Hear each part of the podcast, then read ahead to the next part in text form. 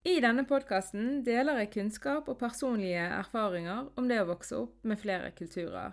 Jeg deler også erfaringer og kunnskap jeg har fått gjennom ni år med integreringsarbeid. Mitt mål er å øke kulturell kompetanse i samfunnet ved å diskutere hvordan vi kan møte og samspille med mennesker med annen kulturell bakgrunn enn det vi sjøl har. Er du nysgjerrig, åpen og vil lære, er dette podkasten for deg.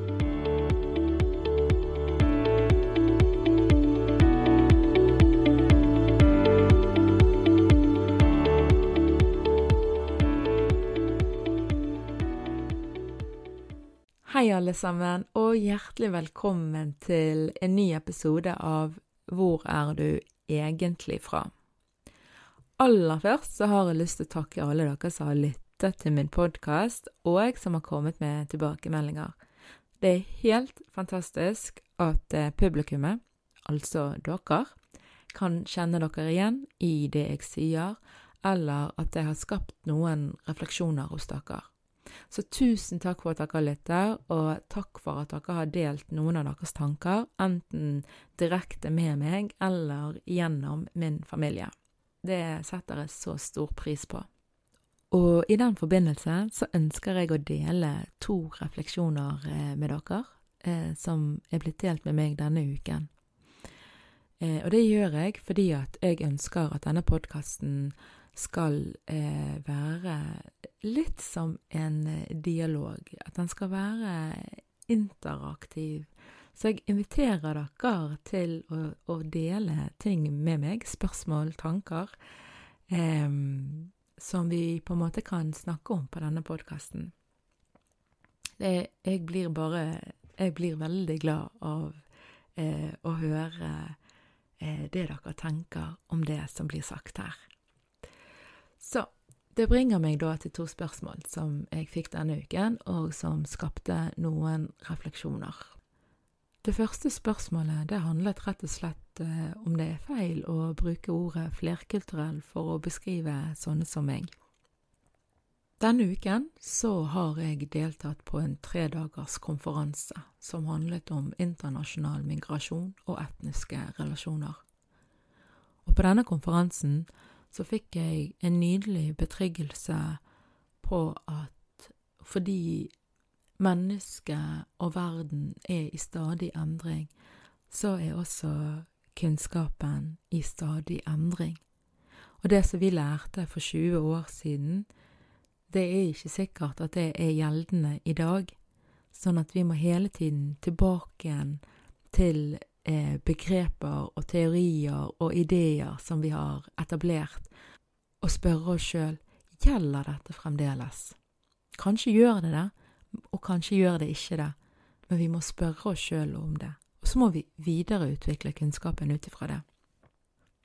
Så er det feil å bruke ordet flerkulturell?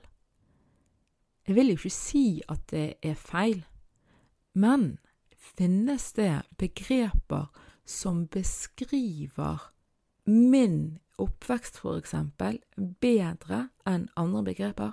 Ja, det gjør det.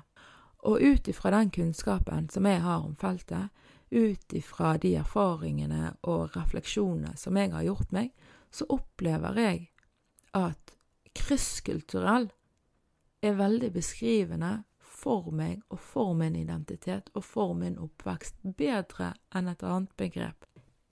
Og for meg så har det vært avgjørende at jeg har funnet et begrep som har kunnet beskrive litt sånn innholdet i min type oppvekst.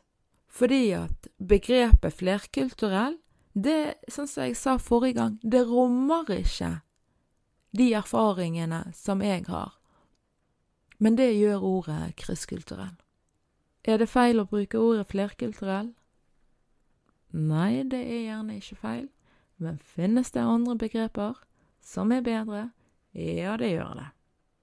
Og en del av min ambisjon med denne podkasten, det er å dele denne kunnskapen med dere, og så blir det opp til dere å avgjøre hvordan dere skal bruke denne kunnskapen. Det andre spørsmålet jeg fikk, det kom av en nydelig dame som jeg ble kjent med eh, på denne konferansen som jeg eh, deltok på. Og hun, eh, hun, forteller om en oppvekst som har vært preget av to ulike kulturelle miljøer. Og hun syns at det er vanskelig å erkjenne at hun er kristkulturell, for ved å erkjenne at hun er det, så er det som å godta okkupasjonsmakten i hjemlandet sitt, sier hun. Hun har nemlig vokst opp i et land der hun var blitt eh, tvungen til å lære seg et annet språk enn morsmålet sitt. Hun var blitt tvungen til å leve i og samhandle med en annen eh, kultur. I tillegg til at eh, hun og familien hadde sin eh, opprinnelseskultur som de tok vare på. Så selv om hun var vokst opp med to ulike kulturelle miljøer, så følte ikke hun en, en tilhørighetsfølelse til, til, den ene, da. Er jeg da krysskulturell, spør hun meg. Dette syns jeg var et utrolig godt spørsmål, og som jeg har tenkt veldig mye på i etterkant. Jeg tror ikke at det fins et uh, fasitsvar, og jeg jeg sitter i hvert fall ikke med det. Og det er jeg veldig glad for, fordi at det gir jo oss rom til å reflektere og diskutere og definere og redefinere eh, konseptet kristkulturell. Det er ett premiss som må være på plass for at vi skal kunne kalle oss sjøl for kristkulturelle. Og det er jo det at vi har vokst opp med minst to ulike kulturelle miljøer i store deler av barne- og ungdomsårene våre. Og så tror jeg at det handler om nyanser, og det handler om hva er det vi velger å bruke, og hvor tid velger vi å bruke det vi har med oss. Jeg eh, prøver ikke, og jeg vil ikke, eh, og det er heller ikke min ambisjon, å definere andre som kristkulturelle hvis ikke de opplever seg sjøl som det. Men jeg vil gi noen perspektiver som forhåpentligvis eh, skaper jo da noen refleksjoner. Jeg tror ikke at det er sunt å undertrykke deler av oss sjøl. På et vis så kan du ikke viske vekk at du har vokst opp i to forskjellige kulturelle virkeligheter. Du kan ikke viske vekk den kompetansen som er blitt en del av deg. Og hvis man prøver å viske den vekk, så tror jeg at vi heller undertrykker oss sjøl så istedenfor å tenke 'jeg er kanskje kristkulturell, men jeg vil ikke være kristkulturell', hva med å tenke 'ja, jeg har vokst opp på den måten som jeg har', og det er dette det betyr for meg'. Hva betyr det for deg og for livet ditt og for din identitet at du har vokst opp med to forskjellige kulturelle miljøer, selv om den ene kulturen var ikke noe du ønsket å være en del av. Hva betyr det for deg og din identitet? Hva tar du med deg? Hva legger du ifra deg? Hva med å definere din krystkulturalitet på dine egne premisser, ut ifra din historie, din kunnskap, dine erfaringer og dine refleksjoner? Jeg har ikke fasitsvaret, og jeg tror faktisk ikke at det eksisterer et heller. Men forstår jeg litteraturen riktig? Det å være kristkulturell, det handler i stor grad om hva er det vi gjør det til sjøl. Så hva tenker dere som lytter til dette? Jeg inviterer dere inn til å dele deres refleksjoner med meg. Og så over til da, dagens tema, som er eh, noen sårbarheter som kristkulturelle kan eh, oppleve. Og jeg legger litt vekt på og eh, sårbarheter som er knyttet til når kristkulturelle har mørkere hud og hår, eh, og eh, ikke har et typisk norsk eller nordisk navn. I første episode så delte jo jeg en personlig historie med dere hvor jeg på en måte følte meg uten sans selv som ung voksen. Jeg har jo flere ganger gått tilbake igjen til, til følelsen av å være uten forankring, og lurt på hva det har handlet om. Og hvorfor klarte ikke jeg å finne ut av meg sjøl og mitt liv og min identitet? Jeg syns at dette var veldig rart, fordi at på mange måter så var jo ikke jeg annerledes enn mine venner. Noe av det som faktisk var ulikt mine venner når jeg vokste opp, det var at andre hele tiden skulle påpeke eller kommentere min annerledeshet. Og til slutt så mangler man definisjonsmakt over egen identitet, fordi at andre skal hele tiden definere deg. Og det var en gjennomgående frustrasjon, og det er det fremdeles, at omverdenen skal kommentere mitt opphav på en eller annen måte. For måten det ofte kommenteres på, det antyder at man fremdeles tenker at en ikke er norsk når en er kristkulturell. Jeg må passe inn i en veldig bestemt forestilling om hva det betyr å være norsk, for at andre skal betrakte meg som norsk. Og så lenge vi tenker at Norge har en homogen befolkning, altså at eh, Norge har en ganske lik befolkning, så vil jo jeg aldri bli betraktet som fullverdig norsk. Og det interessante her er at eh, historisk sett så har jo ikke Norge hatt en, eh, en helt lik eh, befolkning. Men vi liker allikevel å tenke det, og det, det syns jeg er litt fascinerende. Så hvorfor bryter jeg litt med, med forestillingen av det å, å, være norsk? Det begynner med at jeg har feil hudfarge, jeg har feil navn, og dernest så har jeg òg feil religion. Så når folk spør meg om hvor jeg er ifra, så opplever jeg at jeg ofte kødder til forestillingene som de har om hva det betyr å være norsk. Det er veldig mange som fremdeles blir overrasket over at jeg eh, svarer Bergen og ikke Spania eller Iran, for det er de landene som folk veldig ofte tror at jeg er ifra. Og så hører de på måten jeg snakker, at jeg snakker jo norsk som en innfødt. Eh, og det òg virker av og til overraskende på enkelte folk. Altså Det er noe med at en brun person som meg, eh, som snakker så godt norsk, som blir overraskende på folk. Som om det er ikke helt det de forventer. Så får de litt problemer med sine forestillinger, fordi jeg bryter jo de. Jeg ser ikke norsk ut, men jeg virker veldig norsk og jeg snakker ganske godt norsk. Eh, og det er da jeg ofte får spørsmålet Hvor er jeg egentlig fra?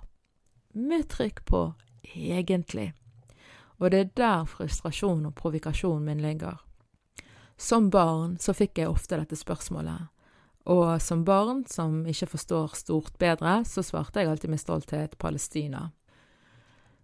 Som ungdom så ble jeg sint og flau når det spørsmålet kom, fordi jeg ville bare være som mine venner. Eh, jeg ville på et vis ikke stikke meg ut, og jeg, jeg, ville gjerne få spørsmål om hvor jeg hadde kjøpt den fine buksen ifra, eller hvor jeg hadde kjøpt den fine kjolen ifra, men i stedet så fikk jeg heller spørsmål om hvor jeg var ifra. Og det var ganske irriterende som ungdom. Og selv de gangene jeg konsekvent gjentok at jeg var fra Bergen, så kom altså spørsmålet om hvor mine foreldre fra. Bergen var aldri et akseptert svar. Eller veldig ofte så var det ikke et akseptert svar. Og så først når jeg da svarte Palestina, da fikk på en måte folk litt ro over seg. Og noen kunne til og med si 'Jeg visste at du ikke var helt norsk. Dette fikk jeg veldig ofte høre som ungdom og som ung voksen. I tillegg så fikk jeg ofte et spørsmål om hvilken tro jeg hadde. Eh, er du en muslim, da? Hvor troende er du? Hvordan lever du? Hvordan er det mamma og pappa? Dette var veldig ofte ubehagelige spørsmål, eh, og som skapte en ubehagelig situasjon for meg. Og det var spørsmål som eh, skulle påpeke min annerledeshet i tide og utide. Og en annen måte å påpeke min annerledeshet på, det er jo alle de ulike merkelappene jeg har fått. Nå skal jeg gi dere et lite utvalg av eh, noen eh, merkelapper som jeg har fått. Andregenerasjons innvandrer. Barn av innvandrede foreldre. Norskfødt med innvandrede foreldre. Utlending. Innvandrer. Minoritet. Etnisk minoritet. Flerkulturell. Norsk. Norsk-arabisk. Arabisk-norsk. Så den listen den fortsetter fortsetter jo litt til, faktisk. Men uh, altså, er det rart jeg uh, var en ung voksen og forvirret over hvem eller hva jeg var? Med alle disse forskjellige merkelappene og folk som skulle definere meg, og som på en måte ikke helt tillot meg å få lov til å definere meg sjøl, ja, da er ikke det rart at jeg eh, vandret gatelangs i Singapore og eh, følte meg litt sånn defragmentert og uten sans og retning. Men etter hvert som jeg har blitt voksen, så har jeg skjønt at det egentlig er ganske norsk å spørre hvor folk er ifra. Vi er et langstrakt land, og befolkningen har jo vært isolert fra hverandre gjennom blant annet mektige, høye fjell før vi fikk tunneler, eh, tog, bil og alle disse enkle måtene å bevege oss til og fra på. Og i tillegg så er språket vårt påvirket av dansk og svensk. Så Norge er jo et land preget av mange ulike dialekter. Og da forstår jeg at vi liker å spørre hvor vi er ifra. Vi er genuint nysgjerrige og interesserte, og vi vil plassere det språklige mangfoldet.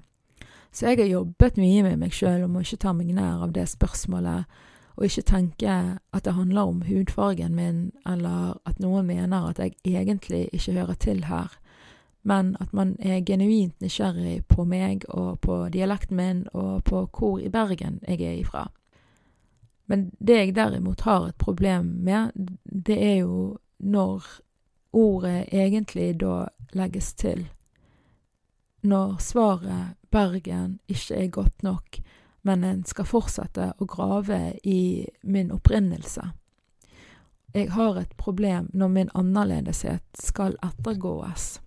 Så folkens, hvis dere er genuint interessert i å bli kjent med meg, eller er dødens nysgjerrig på min bakgrunn, og det er veldig viktig for deg å vite hvor jeg egentlig er ifra, så er det finere og bedre at du spør hvor navnet mitt er ifra.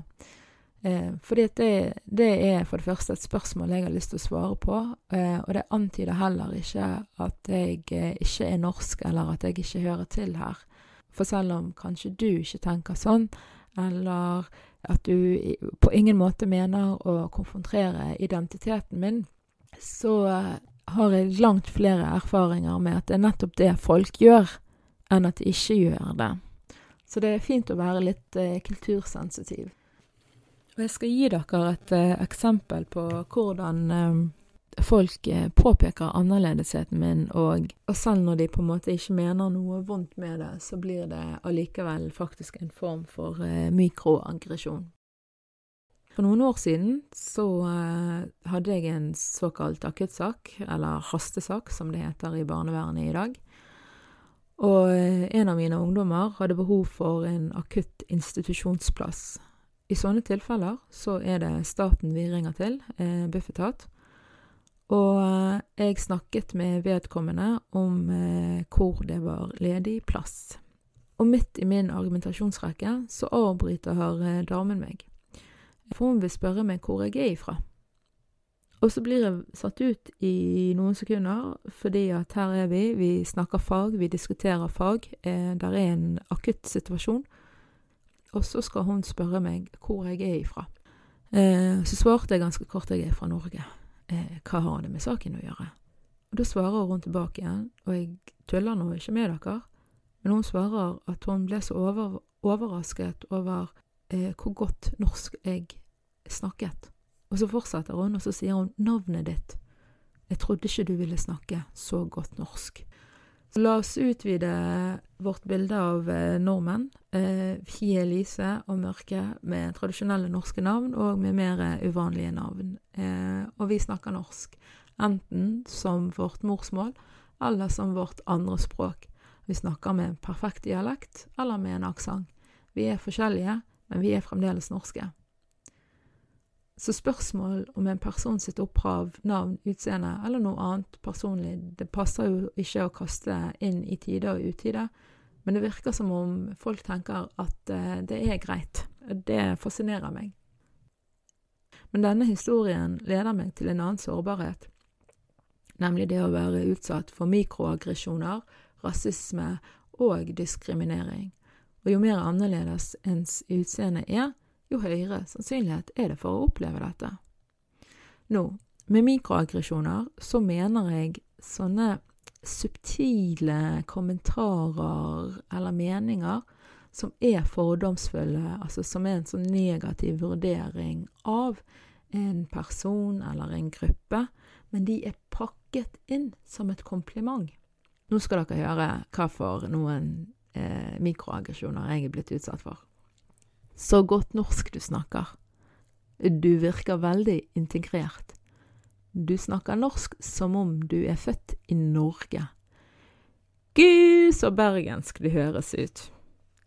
Du skarrer til og med på r-en. Du lever veldig fritt i forhold til hvordan muslimske jenter har det. Du har så eksotisk utseende.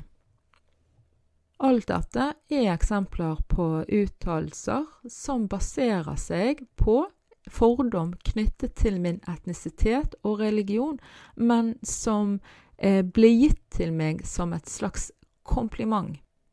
Så vi må alle ta en liten runde med oss sjøl og våre antagelser om andre folk. Og jeg inkluderer meg sjøl i det. Vi har alle våre fordommer, og noen er mer bevisste enn andre. Og samtidig som jeg har opplevd mikroaggresjoner, så har jeg også opplevd utilslørt rasisme. Jeg har hørt mye stygt bli sagt til meg, om meg og eh, om min kulturelle bakgrunn. Og dette var noe som mine foreldre visste at jeg ville oppleve. De har sjøl opplevd det, Eh, og selv om på en måte barna deres snakket norsk, og de oppførte seg norsk, og de var norske, så visste de at eh, det ville ikke være godt nok til å opp, bli oppfattet som norsk. For min mor og far så var det derfor veldig viktig eh, at de lærte oss å håndtere rasisme fra vi var barn. For eksempel så kunne vi diskutere hva kamper vi da skulle ta. Når skulle vi svare tilbake igjen når noen sa noe til oss? Kunne det i visse situasjoner være farlig for oss å svare tilbake igjen? Hva kan vi si når noen sier for eksempel at vi skal dra hjem igjen til der vi kom ifra? Hvordan skal vi si det? Når skal vi be om hjelp? Og særlig min far, han eh, forberedte meg på å være en eh, såkalt trippel minoritet i samfunnet. Jeg er arabisk, jeg er muslim, og jeg er jente. Og det hviler mange fordommer rundt dette. Så på en måte den kombinasjonen eh, jente, arabisk og muslim Han visste at jeg ville møte mange eh, fordommer eh, rundt dette. Og han ville at jeg skulle være forberedt på verden slik den er, og ikke slik som han ønsket at den var. Så når jeg fortalte dette til en eh, tidligere kollega en gang, så ble hun litt satt ut. Hun mente at eh, dette var en kynisk måte å oppdra et barn på.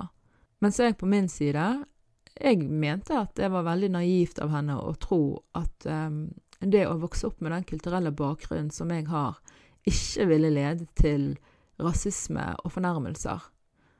Jeg ville ha stått uten verktøy og klokskap til å håndtere det som jeg har blitt utsatt for, utelukkende av min bakgrunn. Og jeg er så glad for at mine foreldre um, ikke var naive, og tenkte at det ikke ville være nødvendig å ta disse tøffe samtalene med meg. Å ikke se verden med rosafargede briller på betyr også at jeg eh, forbereder meg på omverdens reaksjoner mot meg når noen som deler min bakgrunn, gjør noe forferdelig. Og la oss ta 22. juli som et eh, eksempel.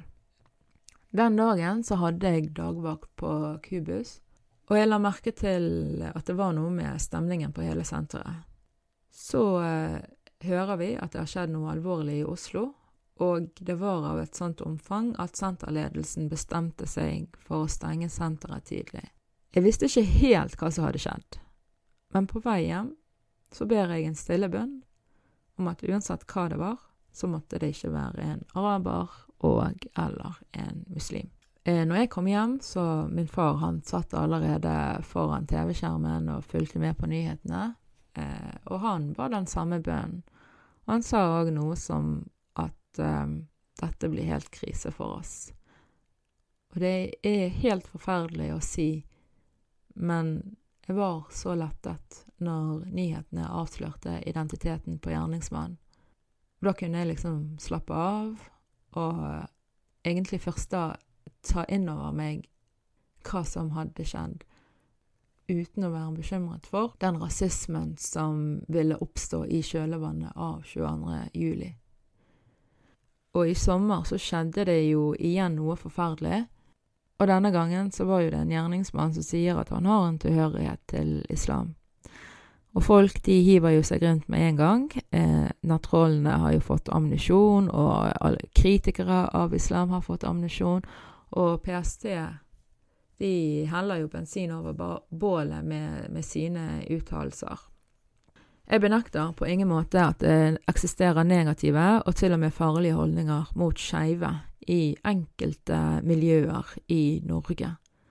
Men disse holdningene er faktisk ikke forbeholdt muslimer.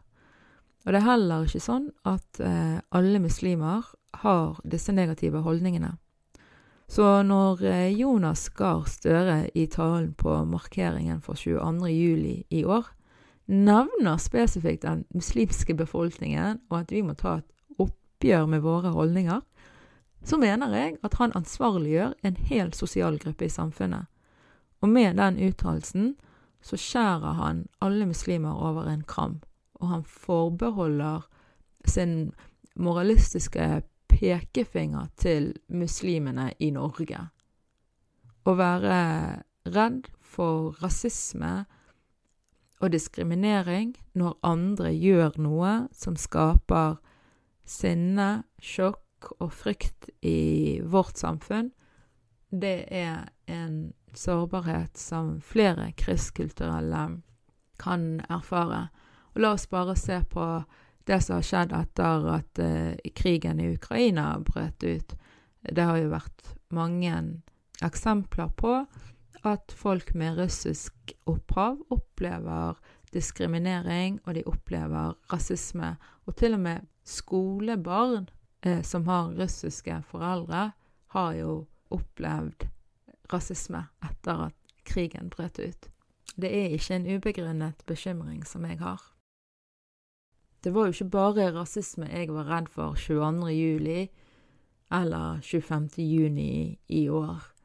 Før vi fikk vite hvem gjerningsmannen var, så var jeg òg bekymret for hvordan norske medier ville vinkle historien.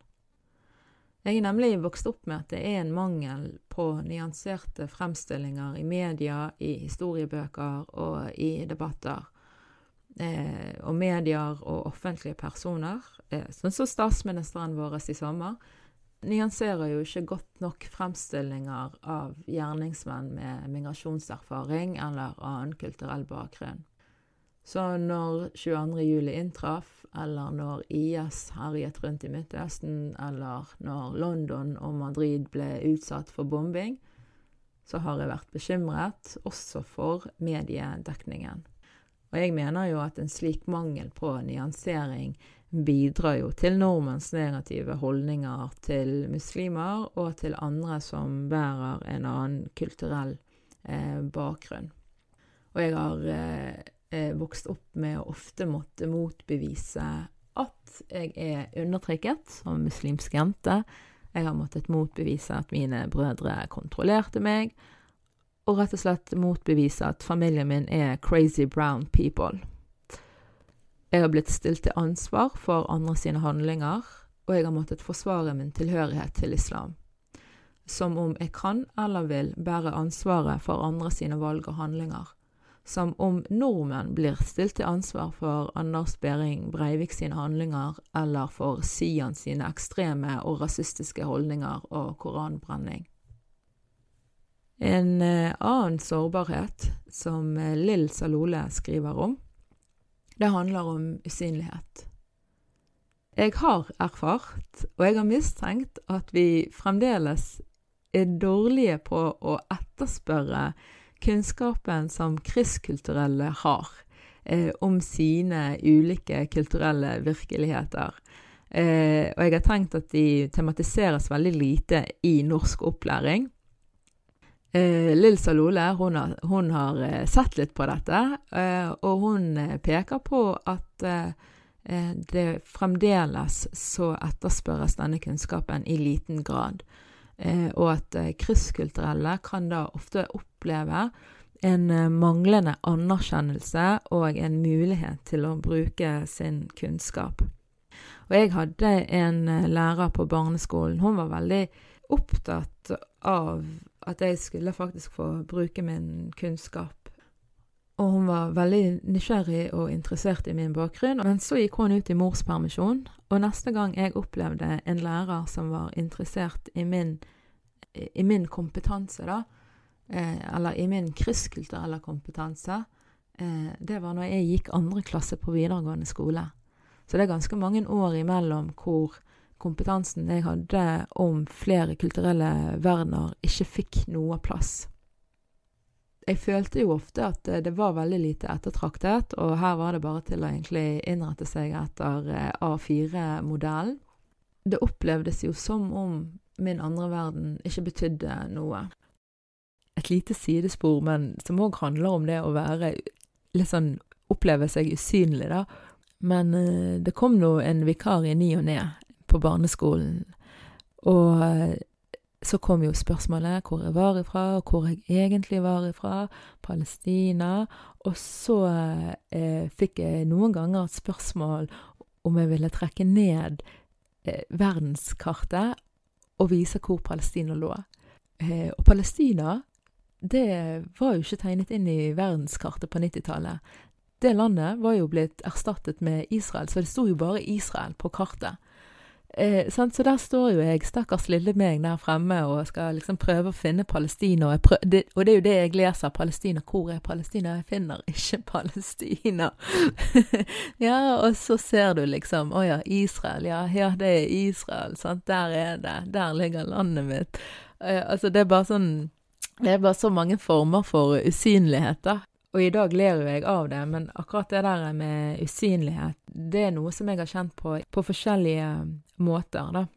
Så en siste sårbarhet eh, som jeg vil trekke frem, det er faktisk noe som eh, kan utvikle seg til en styrke, og som jeg snakket om som en styrke i forrige episode. For da snakket jeg om hvordan man kan lære å håndtere sorg og savn etter familie og slekt og land men dersom det ikke tematiseres og bearbeides, så kan jo disse følelsene være uforløste.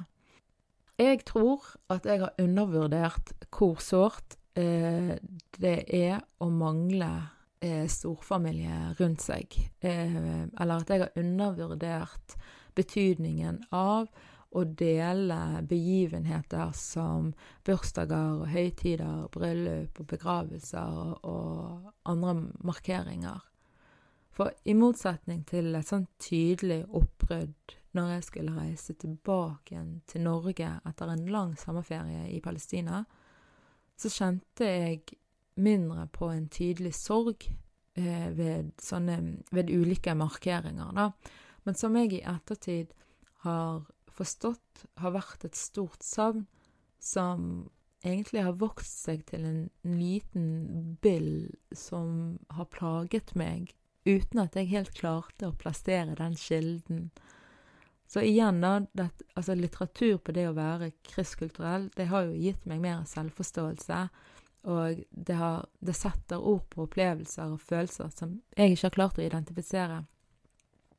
Sånn som jeg sa, da, i motsetning til et sånn tydelig brudd når jeg skal tilbake igjen til, til Norge etter ferie i Palestina, så tenkte vi nok ofte sånn at ja ja, sånn er det, vi får ikke med oss alt, sant? Når det var snakk om et bryllup eller en bursdag eller den store familiemiddagen. Um, og vi forklarte det for oss sjøl med at det er en lang avstand, det er dyre flybilletter. Um, det var på en måte rasjonalet bak at vi gikk glipp av disse tingene, og sånn er det bare. sant? Um, og nå skal vi reise der neste år. sant? At det var liksom, det var gulroten, det var det vi hadde å glede oss til. Nå i ettertid, eh, eller som voksen, eh, så tenker jeg at jeg har nok hatt en større betydning. Eh, at jeg har skapt en sorg og et savn som jeg ikke har vært bevisst på. At det, det, skapte et slags tomrom etter viktige hendelser med nære relasjoner. At selv om vi holdt tett kontakt gjennom telefon, så det å gå glipp av de små tingene, det, det var egentlig vondt. Men det som er det interessante her, det er at mine foreldre de kom fra en kontekst der det å utvandre, først og fremst til USA og til Gulfstatene, at det var en del av livet. Og det å leve i diaspora, det var helt vanlig. Mens for meg så var det aldri vanlig. Det var jo en sjeldenhet at folk i mitt nærmiljø flyttet til andre land, og i så stor grad som, de, som man kanskje gjør i eh, Eller har gjort i Palestina. Og det tror jeg gjør noe med hvordan man opplever et liv på, og, og hvordan man opplever eh, avstand og relasjoner på. Det er jo bare noen refleksjoner som jeg har gjort meg om på en måte, hva, hva sårbarheter er det jeg har opplevd som eh, krysskulturell? Noen ganger så kan jo på en måte det som gir deg styrke, eller det som kan være en styrke, kan òg være en sårbarhet, og i hvert fall hvis man på en måte ikke er bevisste på det, og så noen ganger så er det allikevel en sårbarhet som bare er der. Og det er en konsekvens av at man, man lever, man har relasjoner på tvers av landegrenser. Men nå er det en fare for at det blir veldig filosofisk, så jeg eh, kutter av her. Eh, og så skal jeg heller oppsummere noen av de sårbarhetene som jeg har pekt på i dag. På samme måte som kristkulturelle kan oppleve styrker, så kan en også oppleve noen sårbarheter. Eh, som det å ha ubearbeidet følelser av sorg og savn, oppleve eh, å være usynlig, man kan bære på en annerledeshet på egne vegne, eller man blir nødt for å forsvare sin eh, tilhørighet til en religion, en kultur eller en etnisitet. Man kan oppleve manglende nyanserte fremstillinger. Man kan mangle definisjonsmakt på egen identitet, og man kan oppleve mikroaggresjoner, rasisme og diskriminering. Takk for at du har lyttet til denne ukens episode av Hvor er du egentlig fra? Håper du likte den, og hvis du gjorde det, setter jeg stor pris på at du liker, deler og følger podkasten. Takk for meg!